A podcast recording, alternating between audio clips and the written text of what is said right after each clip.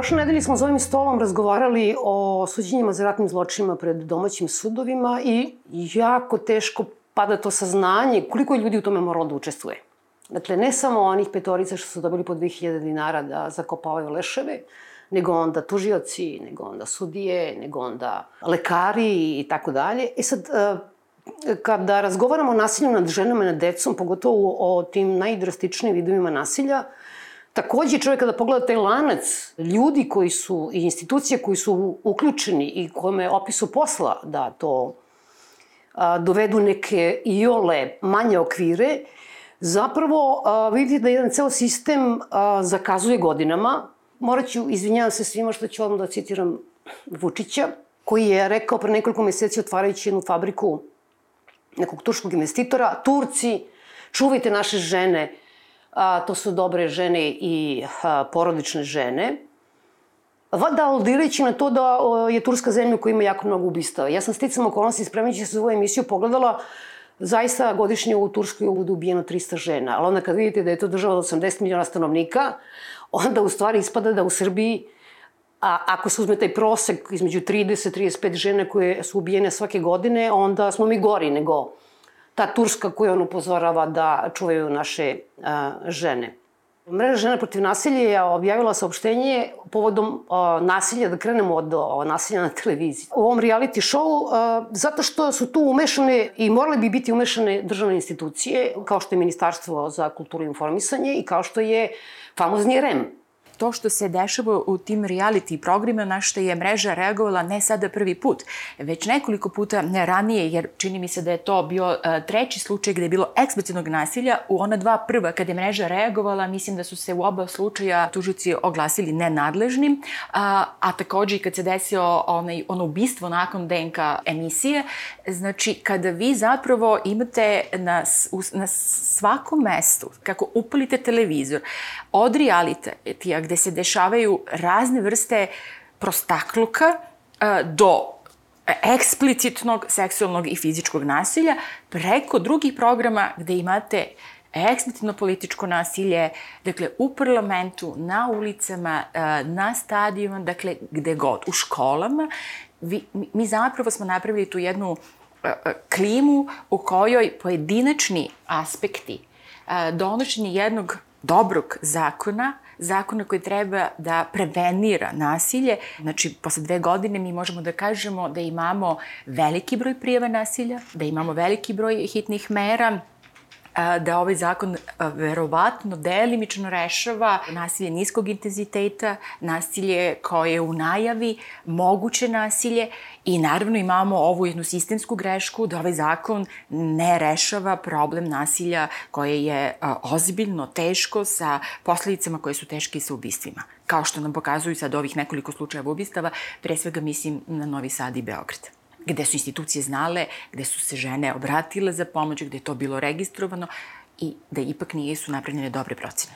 Procena je lična, zavisi od svakog profesionalca po osob. I sad se postavlja pitanje kako je moguće da tokom svih ovih godina ti isti profesionalci nisu nešto naučili. Kako uvek na istom mestu se desi greška. Kako je moguće da neke stvari se ne vide. Kako posle novinari kada izveštavaju o tome da se desilo ubistvo, onda mogu ove, ovaj, i da kažu sad za ovaj poslednji slučaj da je on sin okorelo kriminalca i da je ta kuća u kojoj ona živela, pa nije svih ovih godina prijavljivala nasilje, je opasana zidinama i kamerama. I onda vam, ovaj, kako da kažem, zamenik tužioca u TV emisiji uh, iznosi podatak kako je to ona njega znala od detinjstva i ono prosto ga nije ranije prijavljivala pa mogla da zna kakav je on. Pa nije mogla. Upravo o tome se i radi, zato što kad se s nekim toliko dugo vezi, tome onda u stvari mnogo teže da prijavite nasilje. To je ono što profesionalci nikad ne razumeju. Druga stvar koju ne razumeju jeste da se rizik da će se nasilje nastaviti povećava onog momenta kada njega napustila. On se ne smanjuje. Oni misle da ako je ona otišla kod svojih i oni su izrekli hitnu meru zabrane prilaska i kontaktiranja, da je time smanjen rizik. Pa nije. Mislim, ok, ako nije moglo ništa drugo da se uradi u tom slučaju, iz razno raznih razloga, ok je da postoji makar neka mera koja će da ograničava njegovo postupanje, koja, koje on poštovao, kako je ovaj, piše u novinama, da. Ali je pitanje šta je urađeno za tih 30 dana? Koliko je bila ta mera na snazi? Šta je tužila što dalje radila u tom slučaju? Da li je tu podneta bila krivična prijeva? Mislim, mi takve stvari ne vidimo da se o tome priča. Ne vidimo da država želi da preispita ove slučaje. Mi svaki put molimo da se napravi posebno telo, nezavisno telo, koje će da preispite svaki ovaj slučaj ubistva. Znači, u, tamo gde se to ubistvo desilo, znači u opštini, u gradu gde se to ubistvo desilo, kako bi institucije iz ovoga što se desilo naučile gde su napravile grešku i da se sledeći put to ne ponovi. E mi nemamo to učenje iz grešaka i to je ono zašto nam se stalno dešava ovakav visok broj ubistava žena. Kad kažete profesionalci, na šta, na koga najkonkretnije mislite? Prvu procenu u stvari radi policija po zakonu o sprečavanju nasilja u porodici, ali policija u toj proceni nije sama, oni se u stalnoj vezi sa tužiloštom. Znači, policija po zakonu ima jednu listu, osam pitanja koje mora da popuni u skladu sa tim da proceni rizik. I sad, e, za hitnu meru je dovoljno da postoji samo jedan odgovor da na toj listi od osam pitanja ali ono što oni nisu naučili, što nima ko da ih nauči, jer je edukacija policijskih službenika za ovaj zakon bila izuzetno loša, bila je teorijska, a ne praktična u smislu da se oni obučavaju veštinama, nisu ih uh, naučili, a šta su to ti znaci visokog rizika? Šta je to gde uh, ovde mo je moralo da se uredi nešto više, bez obzira što je neko prvi put prijavljivan, bez obzira što je ovaj, nije imao neki krivični dosije pre toga, neka druga krivična dela. Ali imao je nešto drugo. Imao je ovo što mi vidimo na ovom konkretnom slučaju Beogradskom, imao je tu dostupnost ilegalnog oružja. Ako je njegov otac bio zbog toga procesuiran ili nije bilo procesuiran, ali imaju zabelešku, sad se vidi iz novina, znači sigurno mu ilegalno oružje bilo dostupno. I to je ta, mi to kažemo, crvena zastavica. E, druga stvar koju su takođe mogli da uradi jeste konsultacija sa Centrom socijalni rad. Ovaj zakon takođe kaže da policija kada radi tu procenu rizika treba da se konsultuje sa Centrom socijalni rad. Ono što mi vidimo u realnosti, to je da centri socijalni rad policiji nisu dostupni, naročito ne nakon radnog vremena i to je ozbiljan problem. Ministarstvo za rad i socijalno pitanje nije razrešilo taj problem dežurstva centara za socijalni rad i na koji način dežurni radnici centra odgovaraju na pozive policije i tužilaštva.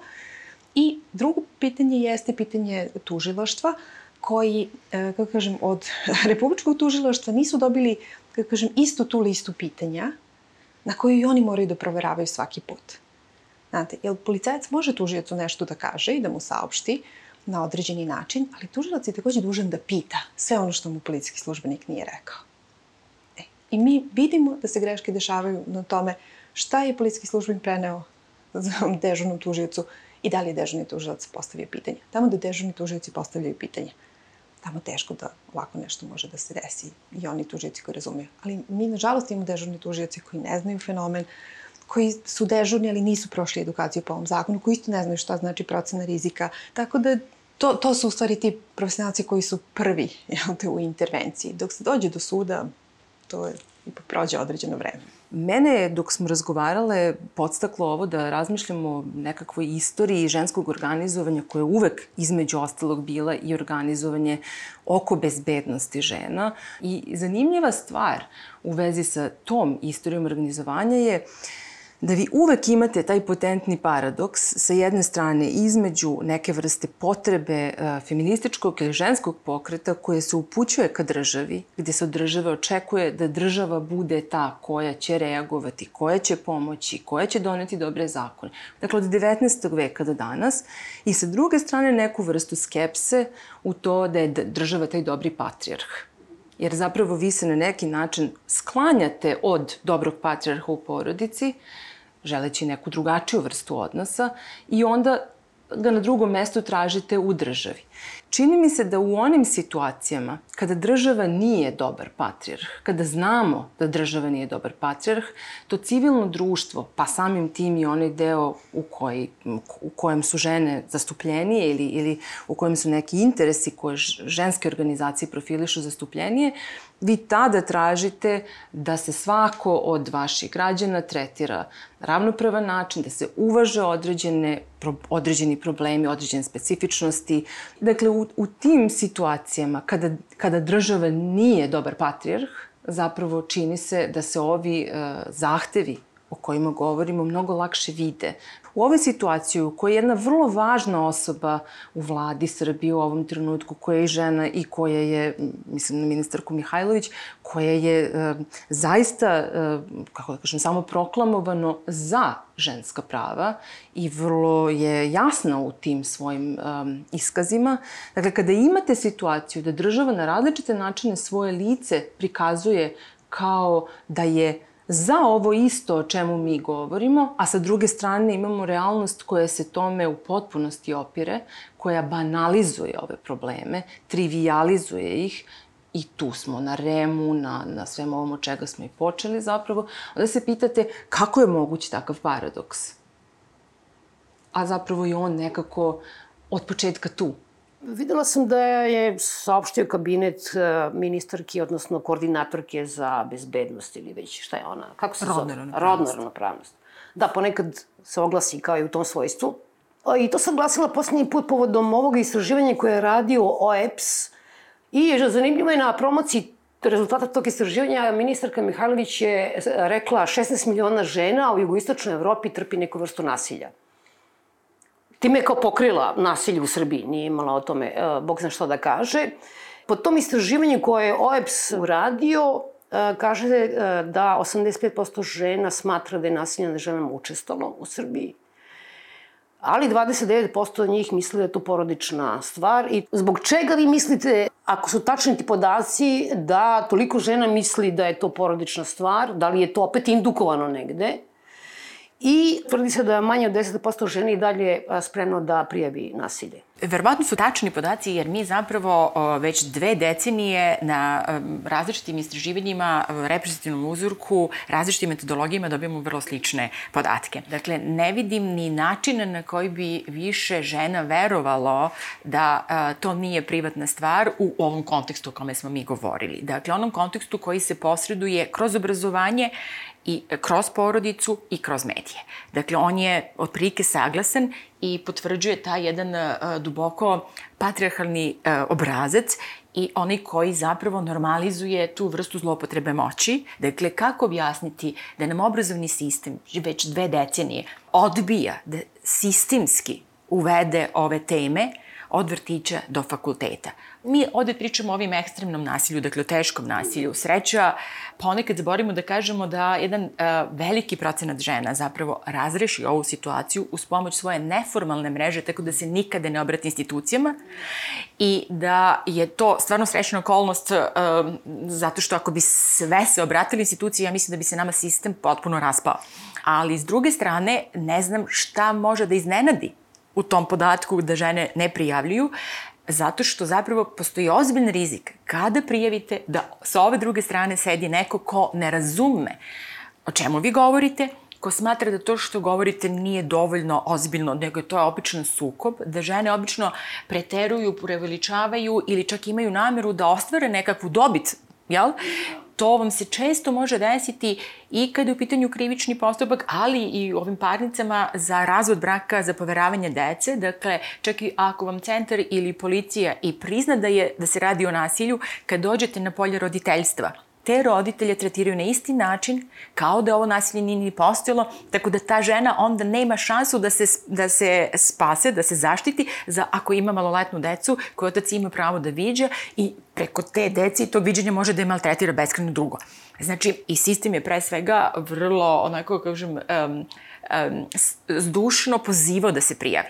S druge strane, da postoji rizik da ako s druge strane ne sede oni koji će znati šta da urade sa time, šta da urade kad procene da se ne radi o niskom riziku i nasilju koje je u mogućnosti tek na početku, nego da se radi ozbiljno, šta onda treba da uradi i da li ima sve na raspolaganju da uradi. Dakle, ima u zakonima, nego da li ima onim mehanizmima koji podrazumevaju primjenu tih zakona. Ali ovo što je Vanja rekla, dakle, meni nije jasno zašto naše institucije odbijaju da mi sednemo jednom, dakle ne ovako pred kamerama, nego u nekom ekspertskom sastanku u kome bismo svaki od ovih slučaja detaljno prošli, da vidimo gde su tu ti elementi koji se sistemski ne prepoznaju, jer mi imamo ove slučaje godinama unazad. Svake godine imamo bar jedan do dva događaja koji su dramatični i koji su po istom obrazcu. Znači, nemoguće je da se iz toga nešto ne nauči. Ako ne učimo, onda ja jedino što mogu da zaključim da ljude nije briga. Kad smo već počeli da poredimo države, znači Srbija ima dva puta veću stopu ubistva nego, recimo, Francuska i Nemačka, tri puta veća nego Švedska, čak možda i više. Ja sam nekoliko dana bila u Švedskoj u Ministarstvu zdravlja i socijalne politike. Oni imaju 10 miliona stanovnika i na toj prezentaciji rada su rekli mi e, smo vrlo zabrinuti i imamo otprilike godišnje 11 ubijenih žena i formirali su agenciju koja se sistematski godinama bavila da ustanovi gde oni to greše. Dakle, ne samo u intervenciji, gde greše u obrazovnom sistemu, gde greše u informativnom, gde greše u svakom aspektu društva, od čega počinjemo da menjamo. Ono što mi zapravo ne možemo, evo sad mi pokušamo da mislimo o tome, ali ne možemo da kažemo od čega bi trebalo početi, odnosno šta bi sve trebalo raditi sinhronizovano u istom trenutku, da bismo promenili stavove žene da je to privatna stvar. Da e, imaju doželje da kad pozovu svaki put će tamo biti službeno lice koje službeno postupa, a ne koje postupa iz nekog svog ličnog ili ne znam svog nezadovoljstva, frustracije koja može biti opravdana da su okolnosti, uslovi rada loši. Mislim, gde su nam štrajkovi? Nigde, jel, gde nam je sindikat? Nigde, a onda kada treba da pričamo ko radi, kad radi, da li ima dežurstva, da li su plaćena dežurstva, da li je dobio obuku, kakva mu je obuka, da li ima liste, da li ima ošte zakon, Da li znaš što u zakonu piše? Mislim, na centre socijalni rad. A onda se mi ne prozivamo jel, na, na mestima gde bi trebalo prozivati i tako dobijamo, znači, evo, dve decenije iste podatke i koji ne mogu da se, da se promene. Mislim da treba da imamo na umu činjenicu da je situacija u kojoj policija može da otvori vrata i uđe u stan i da uhapsi, privede ili preispita osobu zbog koje usledio poziv za, za porodično nasilje relativno skorašnja stvar. Ovo nije nikakva, ne želim da time opravdam situaciju, što, to, eh, što se to nekako nije ukorenilo, ali treba naprosto da imamo na umu da ako pogledamo unazad, ne tako dugo, dakle stotinak godina unazad, gde su postojali zaista vrlo snažna podela između privatnog i javnog, gde je policija kada je nastala u nekakvim zemljama, recimo zapada, bila formirana da bi štitila privatnu svojinu, a ne ljude, dakle ne pojedince nužno, ili prevashodno, a, a da je onda recimo kad se vratimo sada u naš ovdašnji kontekst, policija trebala, odnosno milicija trebala da štiti javni red i mir, ali se nekako pretpostavljalo da će taj socijalizam koji se živi na različitim nivoima ući i u ove privatne odnose i transformisati ih, tako da oni više ne budu privatno svojinski kako su se nazivali, već nekakvi drugačiji društveni odnosi. To se nije dogodilo. Umesto toga dogodio nam se rat. Umesto toga dogodila se potpuna repatriarhalizacija odnosa odnosi u kojima zapravo e, imamo kako da kažem, slivanje s jedne strane ove privatno-svojinske logike, s druge strane imamo zaista potpuno agresivni, ratni narativ koji oblikuje živote muškaraca i žena u ovoj zemlji. Kada se donosi zakon a, kojim se, e, kako da kažem, remeti nešto tako gigantsko kao što je društveno ustrojstvo u kojem imate snažnu podelu, u kojoj se društvo ne meša u ono što je porodična stvar, to je nešto zaista toliko veliko da mora biti praćeno strukturnim promenama na svim nivoima. Ne može da ide paralelno sa Mikim iz Kupinova koji lupa šamare. Dakle, postoji paradoks postoji nešto što tu naprosto se ne uklapa, ne slaže se. Jedno ili drugo nije kako treba. 2002. godine je tek nasilje u porodici prepoznato kao krivično delo. Onda je bio neki pomak 2009. godine kada je ovo zapravo eliminisana mogućnost da nasilnik plati i da se tako izvuče od zatvora. Međutim, sada nailazimo na taj institut tužilačkog oportuniteta, koji je zapravo na mala vrata vratio kažnjavanje nasilnika materijalno. Tužilački oportunitet je jedna sporna tema ovaj, već dugo vremena. Ono što mi smo uspele da smanjimo broj ljudi kojima je on bio izrečen kada je pitanje nasilja u porodici. Ali vidimo i podaci nekih istraživanja pokazuju da se oni dalje u nekim tužilaštvima u Srbiji primenjuju. Iako zvanično je kao Republičko tužilaštvo zabranilo i poslalo da ne može da se primenjuje oportunitet kada je pitanje nasilja u porodici, ali onda ga, mislim, tužilaštvo će upravo ovo, na primjer, ovaj, da urade, da prekvalifikuju delo na lake telesne povrede i da onda primene tužilački oportunitet, iako je to faktički bilo nasilje u porodici. Nama je u stvari e, problem sa tužilačkim oportunitetom nije sad više ni toliko ova mera koja je da se uplati u, jel, to, u humanitarne svrhe, u taj fond iz koga će posle da se distribuira novac tamo gde treba na osnovu konkursa Ministarstva pravde, Veći je problem u stvari što tužičkom oportunitetom neko može biti upućen i na a, psihosocijalni tretman za nasilnike. I tu mi imamo sad trenutno mnogo veći problem kada su u pitanju žene žrtve nasilja, zbog toga što to na koji način tužilaštvo procenjuju ko je za psihosocijalni tretman. Znate, tužilac je isto pravnik, kao i ja. Znate, i sad to kao da ja sad kao, kao pravnica kažem, e, ovaj je za ono, psihosocijalni tretman, bez da sam se konsultovala bilo sa kim, ko je možda stručniji. Uh, I opet, s druge strane, psihosocijalni tretman jeste za neke koji, kažem, i date šansu nekom ko je to na početku. Znate, ko ima šansu da se promeni, koji dođe u tužilaštvo i kaže jeste, ja sam to radio, izvinjavam se, ali ne oni koji negira, koji, mislim, tvrdi kako žena laže i sve ostalo. Znači, negde gde vi, kako kažem, bi moglo se proceniti da tu postoji neka šansa ono, da se ta osoba promeni, ali opet nije ni tužilac taj koji će to da procenjuje, ipak treba određena stručna osoba. I ono što naše iskustvo pokazuje to je da u stvari su na ovaj, jel te, taj psihosocijalni tretman putem tužačkog prioriteta slati i oni ljudi koji nisu bili za psihosocijalni tretman. A sa druge strane imate jednu nekorektnu situaciju, a to je da država onda opet nasilnicima nudi jednu uslugu socijalne zaštite i preko tužačkog oportuniteta i na drugi način, a da žrtve nasilja ne dobijaju nikakvu podršku sistema i države. I mi smo imali jedan slučaj koji smo se pre, ove, evo sad će dve godine žalile poverenici za zaštitu diskriminacije. Poverenica je ustanovila da je tu bilo došlo do diskriminacije klijentkinje. Prvo iz razloga što je nisu verovali, iako je ona bila dugogodišnja žrtva nasilja, bila i u sigurnoj kući, prijavljivala nasilje, ali tada kada je prijavila nasilje nisu teli da uzmu izjavu i niko je nije verovao, prvenstveno u Centru socijalni rad. A onda se kasnije ustanovilo u stvari u postupku da je on ide na psihosocijalni tretman. Znate, i sad ne odgovara kad neko ide na psihosocijalni tretman da se prijavljuje da on učinio novi akt nasilja. Ono, on je dobio besplatno od države uslugu socijalne zaštite, a ona kao žrtva nasilja nije dobila ništa. Nikakvu uslugu socijalne zaštite. Pritom i taj tretman košta. Znate, to nije besplatan tretman, to ozbiljno košta u državu. I uh, Tanja ja smo ovaj, nedavno radili neke fokus grupe, pa nam onda ovaj, su baš iz centara za socijalni rad rekli da oni nekad na psihosocijalni tretman upućuju ljudi koji imaju platu 300.000 dinara.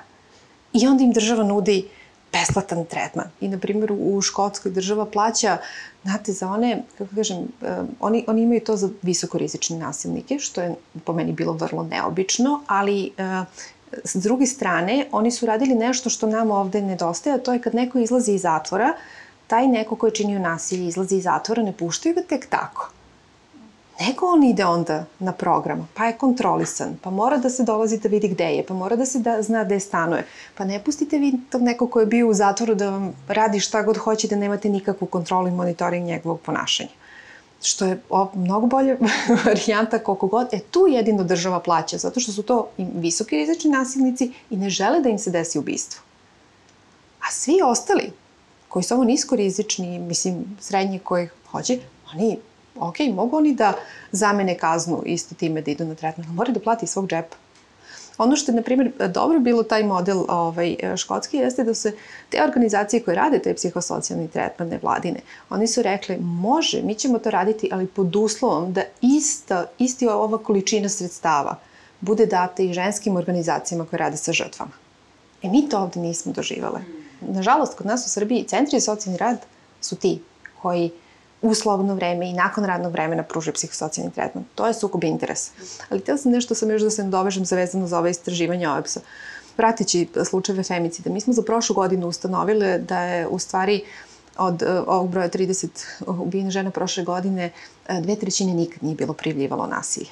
Da li je moguće da toliko se priča o zakonu sprečavanju u porodici i kad su se desili ta ubistva, vidi se da su i porodice znale. Znači nije to bilo sad, niko nije znao. Znalo se, isto su u principu bilo dugogodišnje nasilja. Žene su napuštale svoje nasilje, pokušao da ostave i to, to se desilo, da niko nije prijavio. A u ovoj, drugu, u ovoj jednoj trećini gde su ovaj, bilo prijavljeno nasilje, bilo je isto kao što se sad. Znači, bilo prijavljeno nasilje, visok rizik, a intervencija je bila neodgovarajuća. Potpuno neprikladna onome što je bilo prijavljeno nasilje. Tako je bio onaj slučaj ono Arilje, gde on dva puta bio u zatvoru i onda treba da ide treći put. Mislim, i on je ono kao zakolje pri tri sina. To je potpuno strašno. Znate, to da, da kao, ka, ne znam št, št, kako ljudima to nije bilo jasno da će on to uraditi. Da. A, Adriana, mislim da, da, da ste i pisali u nekim tekstovima, pa prosto bih htela samo da apostrofiramo te stvari koje nam stalno izmiču, a to je da se svi pravimo kao da rata nije bilo. Dakle, kao da nema stotini hiljada ljudi zapravo u ovoj zemlji, muškaraca koji su učestvovali direktno ili indirektno u ratu. Kao da ne postoji kod nas vjetnamski sindrom. Ili... I s druge strane, postoji tu još jedna stvar koja koja me asocirala zapravo podatak koji se videla juče Eurostat ili prekjuče negde, a to je da je recimo od svih zemalja Evropske unije i svih kandidata, Srbija je jedina uz Bugarsku u kojoj je u poslednjih pet godina došlo do porasta socijalne jednakosti, na koji su svi ljudi osetljivi, a pogotovo što se kao od muškaraca očekuje da oni zarađuju novac, da od njih stvara, od velikog broja njih stvara ljude koji su spremni ili potencijalno imaju mnogo kapaciteta, što bi rekli, da nasrnu na prvog eh, do sebe, jer ne mogu na, na druge. To je kažnjivo, za razliku od ovoga. Upravo je oko tog slučaja, odnosno ona dva nesrećna slučaja 2017. tokom leta, dva ubistva u socijalnom, u prostorijama, odnosno ispred Centra za socijalni rad, baš je tada se nekako pokrenulo to pitanje, jer je naravno odmah posle toga krenulo da kola čitav niz informacija, odnosno raznih tračeva, novinskih, tabloidskih obličenja tih tužnih sudbina, koje su naravno bez sumnje tužne, ali zapravo ono što je takođe tužno jeste kako se ono obličuju i kako postaju opet samo porodične priče o kojima niko sem eventualno neka porodica najuža i prijatelji nisu ni mogli da se pozabave. A, tako je krenula priča, da li su ti ljudi bili sirom, da li muškarci, da li su bili siromašni, da li ih je siromaštvo nagnalo, da, da li su eventualno bili baš naprotiv bogati, pa bahati, a, da li je neko učestvovao u nekom ratu i tako dalje. Međutim, sa druge strane, mi moramo uzeti u obzir kontekst u kojem živimo i taj kontekst u kojem živimo zbilje jeste kontekst u kojem je ogroman broj muškaraca na ovaj ili onaj način transgeneracijski, dakle nije reč samo o jednoj generaciji, bio uključen u ratne dešavanja jedne zemlje koja e, zapravo nikada nije bila u ratu, osim ono malo dok je trajalo bombardovanje Srbije, Crne Gore i Kosova. Dakle, to je, čini mi se, veoma važan aspekt. E, taj odnos ljudi koji jesu imali prilike da vide, svedoče, učestvuju ili ili sa ogromnim gnušanjem posmatraju, a ne žele da učestvuju, ali su prisilno tu kao vojnici, kao policajci, kao nekakvi on ljudi koji su mobilisani, odvedeni. Ti muškarci i njihove najrazličitije partnerke žive u ovoj zemlji i kroz različite generacije. U ovom trenutku već uveliko mnogi imaju i decu koja su takođe u stanju, odnosno u godinama u kojima mogu da uđu u partnerske odnose u situaciju u kojoj se ne priznaje da je rata bilo, mi naprosto imamo samo ostrvca u kojima se o tome može govoriti. I ja mislim da o tome dosta dobro govori obeležavanje 20-godišnjice od početka bombardovanja, kada se naprosto broj ljudi koji je, koji je pokušavao da kontekstualizuje 99. u 90. veoma smanjio. Je, mislim da je to vrlo važno. Druga strana ovoga što ste pomenuli takođe, mislim da a, mi živimo u zemlji u kojoj živi naravno nekoliko generacija, a, ali te generacije su se rađale u različitim državama.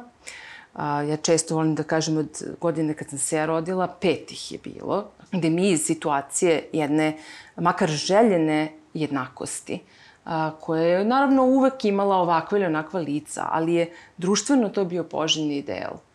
Danas živimo u situaciji u kojoj, dakle, i dalje postoje generacije koje se toga sećaju kao sastavnog dela svog života i koje su tome učile svoju decu, ali mi danas živimo u situaciju u kojoj ta sećanja smetaju.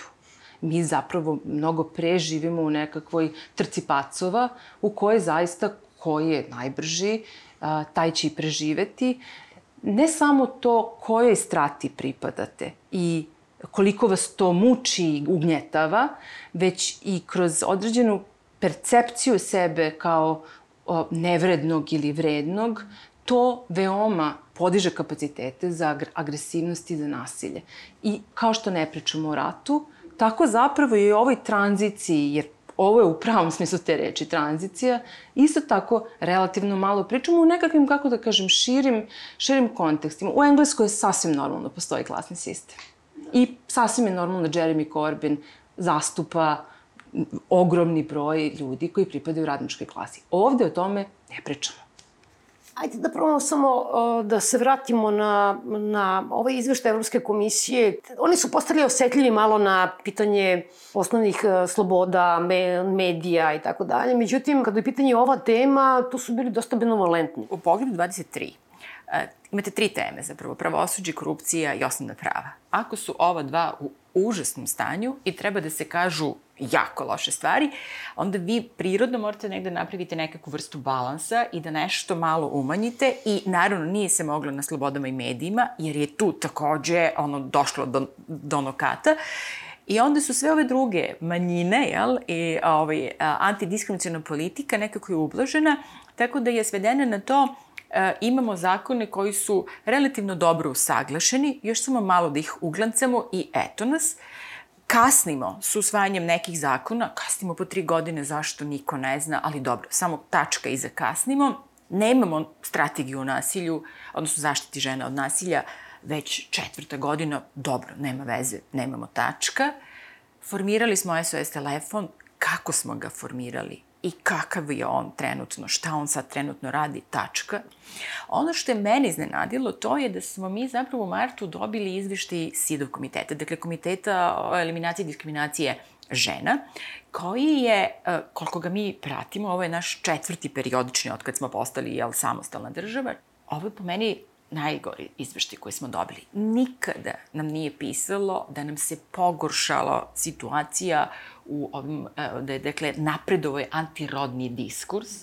Nikada nam nije pisalo da su um, mizogini govor visoko pozicioniranih političkih ličnosti, verskih lidera i ljudi koji rade u akademskoj zajednici, dakle profesor na fakultetima, takav, dakle, da, da nema nikakve sankcije za to, ali ako se kaže treba usvojiti zakon o rodnoj ravnopravnosti, a ono što baš stoji na sajtu Ministarstva socijalnu politiku je zakon koji mi zapravo nećemo, jer nećemo da nam to ministarstvo na mala vrata uh, uskrati seksualne reproduktivna prava koje su nama garantovane i koje smo imali. I bez javne rasprave, odnosno sa javnom raspravom u kojoj svi komentari ekstremne desnice budu usvojeni, svi komentari ženskih organizacija zapravo budu potpuno ignorisani. Dakle, naravno, to ministarstvo i ministar koji je na čelu njegovom je te godine, dakle prošle godine, kršio sve što je mogo da krši. Kršio je zakone i dobio je potvrdu vlade da to može da radi legalno. Mi smo uložili ogroman napad da ga sprečimo da otvori taj nelegalni SS telefon. To što se desilo između 25. decembra i 28. decembra je, dakle, za svaku uh, pristojnu zemlju nezamislivo, a ne zemlju koja hoće da bude kandidat i da, e, i da onda Evropska komisija napiše samo uspostavljanje nacionalni SOS telefon, tačka, Ja stvarno to ne mogu da razumem. A šta se desilo za tri dana? Pa, verovatno se desilo, nije slučajno izabran 25. decembar, ono kada sve ambasade o, zatvore kancelarije i sve međunarodne organizacije zatvore kancelarije oduše na Božić. Znači, dakle, on je uspeo Zato što ministarstvo zapravo kontroliše i sve druge institucije koje treba da izdaju papire, jel, sve su pod uticem, da za jedan dan, ali za jedan dan, kao da ima čarobni štapić, kao da je stvaralac sveta, odobri, e, potpiše rešenje za akreditaciju seminara 25. Znači, jedna grupa žena je predala, organizacija predala seminar, uh, predlog seminara koji je tog dana kad je ušao, tog dana bio pregledan od strane komisije, prosleđen ministarstvu ministar ga istog dana potpisao. Dakle, to ne može da se desi nikada. E, da, da, evo, da ne pominjem, znači ja na akreditaciju čekam godinu i po dana. Znači, proceduru, ne zna se zašto. Znači, uh, 26.7. su neke žene završile taj seminar. A 20... Sutradan? Sutradan. Sutradan. A 28. je ministar otvorio znači, telefon i te žene su počele da dižu slušalice. Ja stvarno, ja ne znam ko su žene koje tamo rade i ne bih naravno da ih vređam ni na koji način. Ne znam kako su pristale da u tome učestvuju, osim ako nisu zavisne, jel? Ako su u tom sistemu pa moraju. Kako je nekome palo na pamet to da uradi? Žene koje nikada pre toga se nisu time bavile. Za dva dana su naučile i sad će se njima žene iz Srbije javljati da ih nešto pitaju, a ove će im odgovarati i usmeravaće ih na institucije. Ne znam stvarno kako.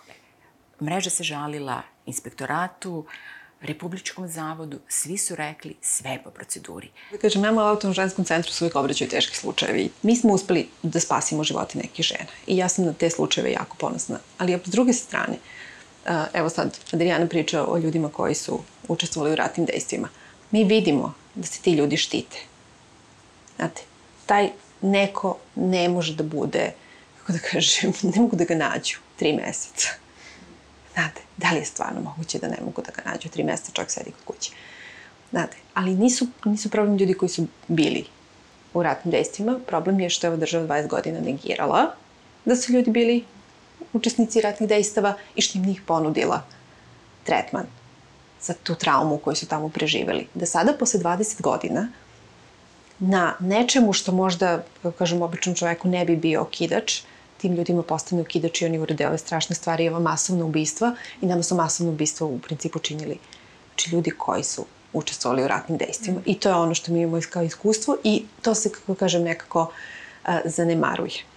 Nisu ti ljudi krivi ali im sistem nije pružio nikakvu podršku i sad nekako moram. Nama je to sad došlo na naplatu posle 20 godina, nažalost. Izjavanje, a lista rizika nam nema taj rizik. Nema. Ima profesionalca koji to razumeju i vide, ali većina neće to pitati.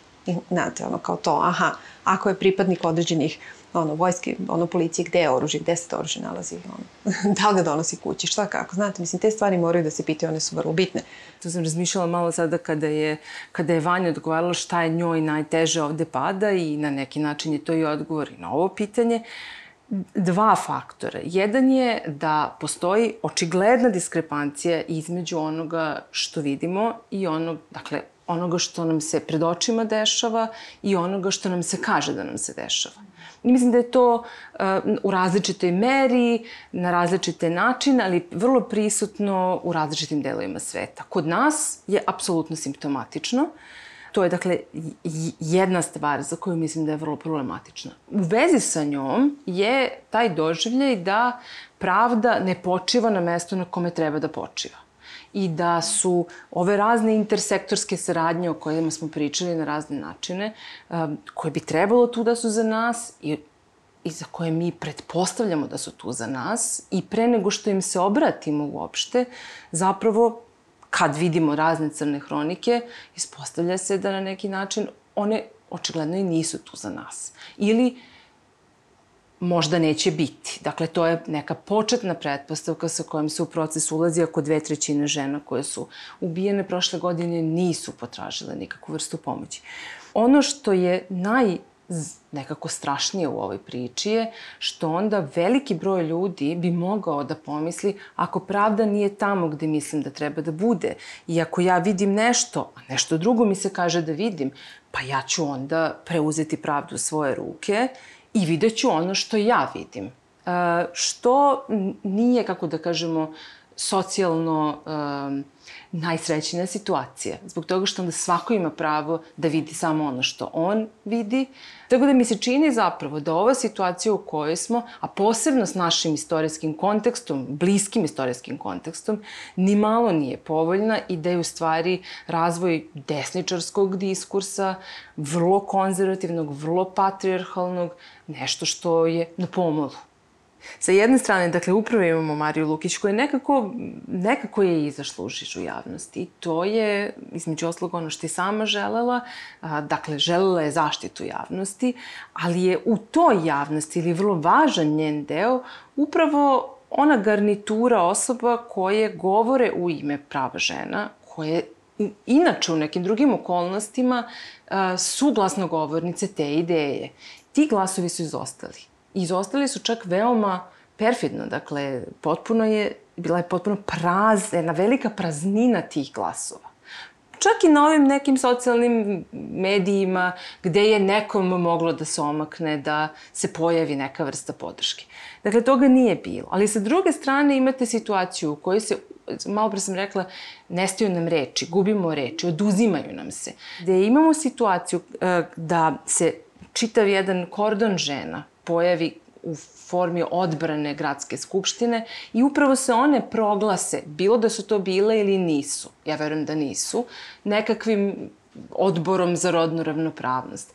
Dakle, ta igra sa rodnom ravnopravnošću takođe, ta igra sa brigom o ženama, ta igra sa hrabrim ženama je nešto što veoma otežava jasno postavljanje ciljeva, i veoma olakšava zapravo desničarskom diskursu da se formira oko toga da država nije više dobri patrijarh sa kojim žene možda je imaju ili nemaju dobar odnos. Već naprotiv, ta država zapravo radi sad samo za žene, a protiv muškaraca.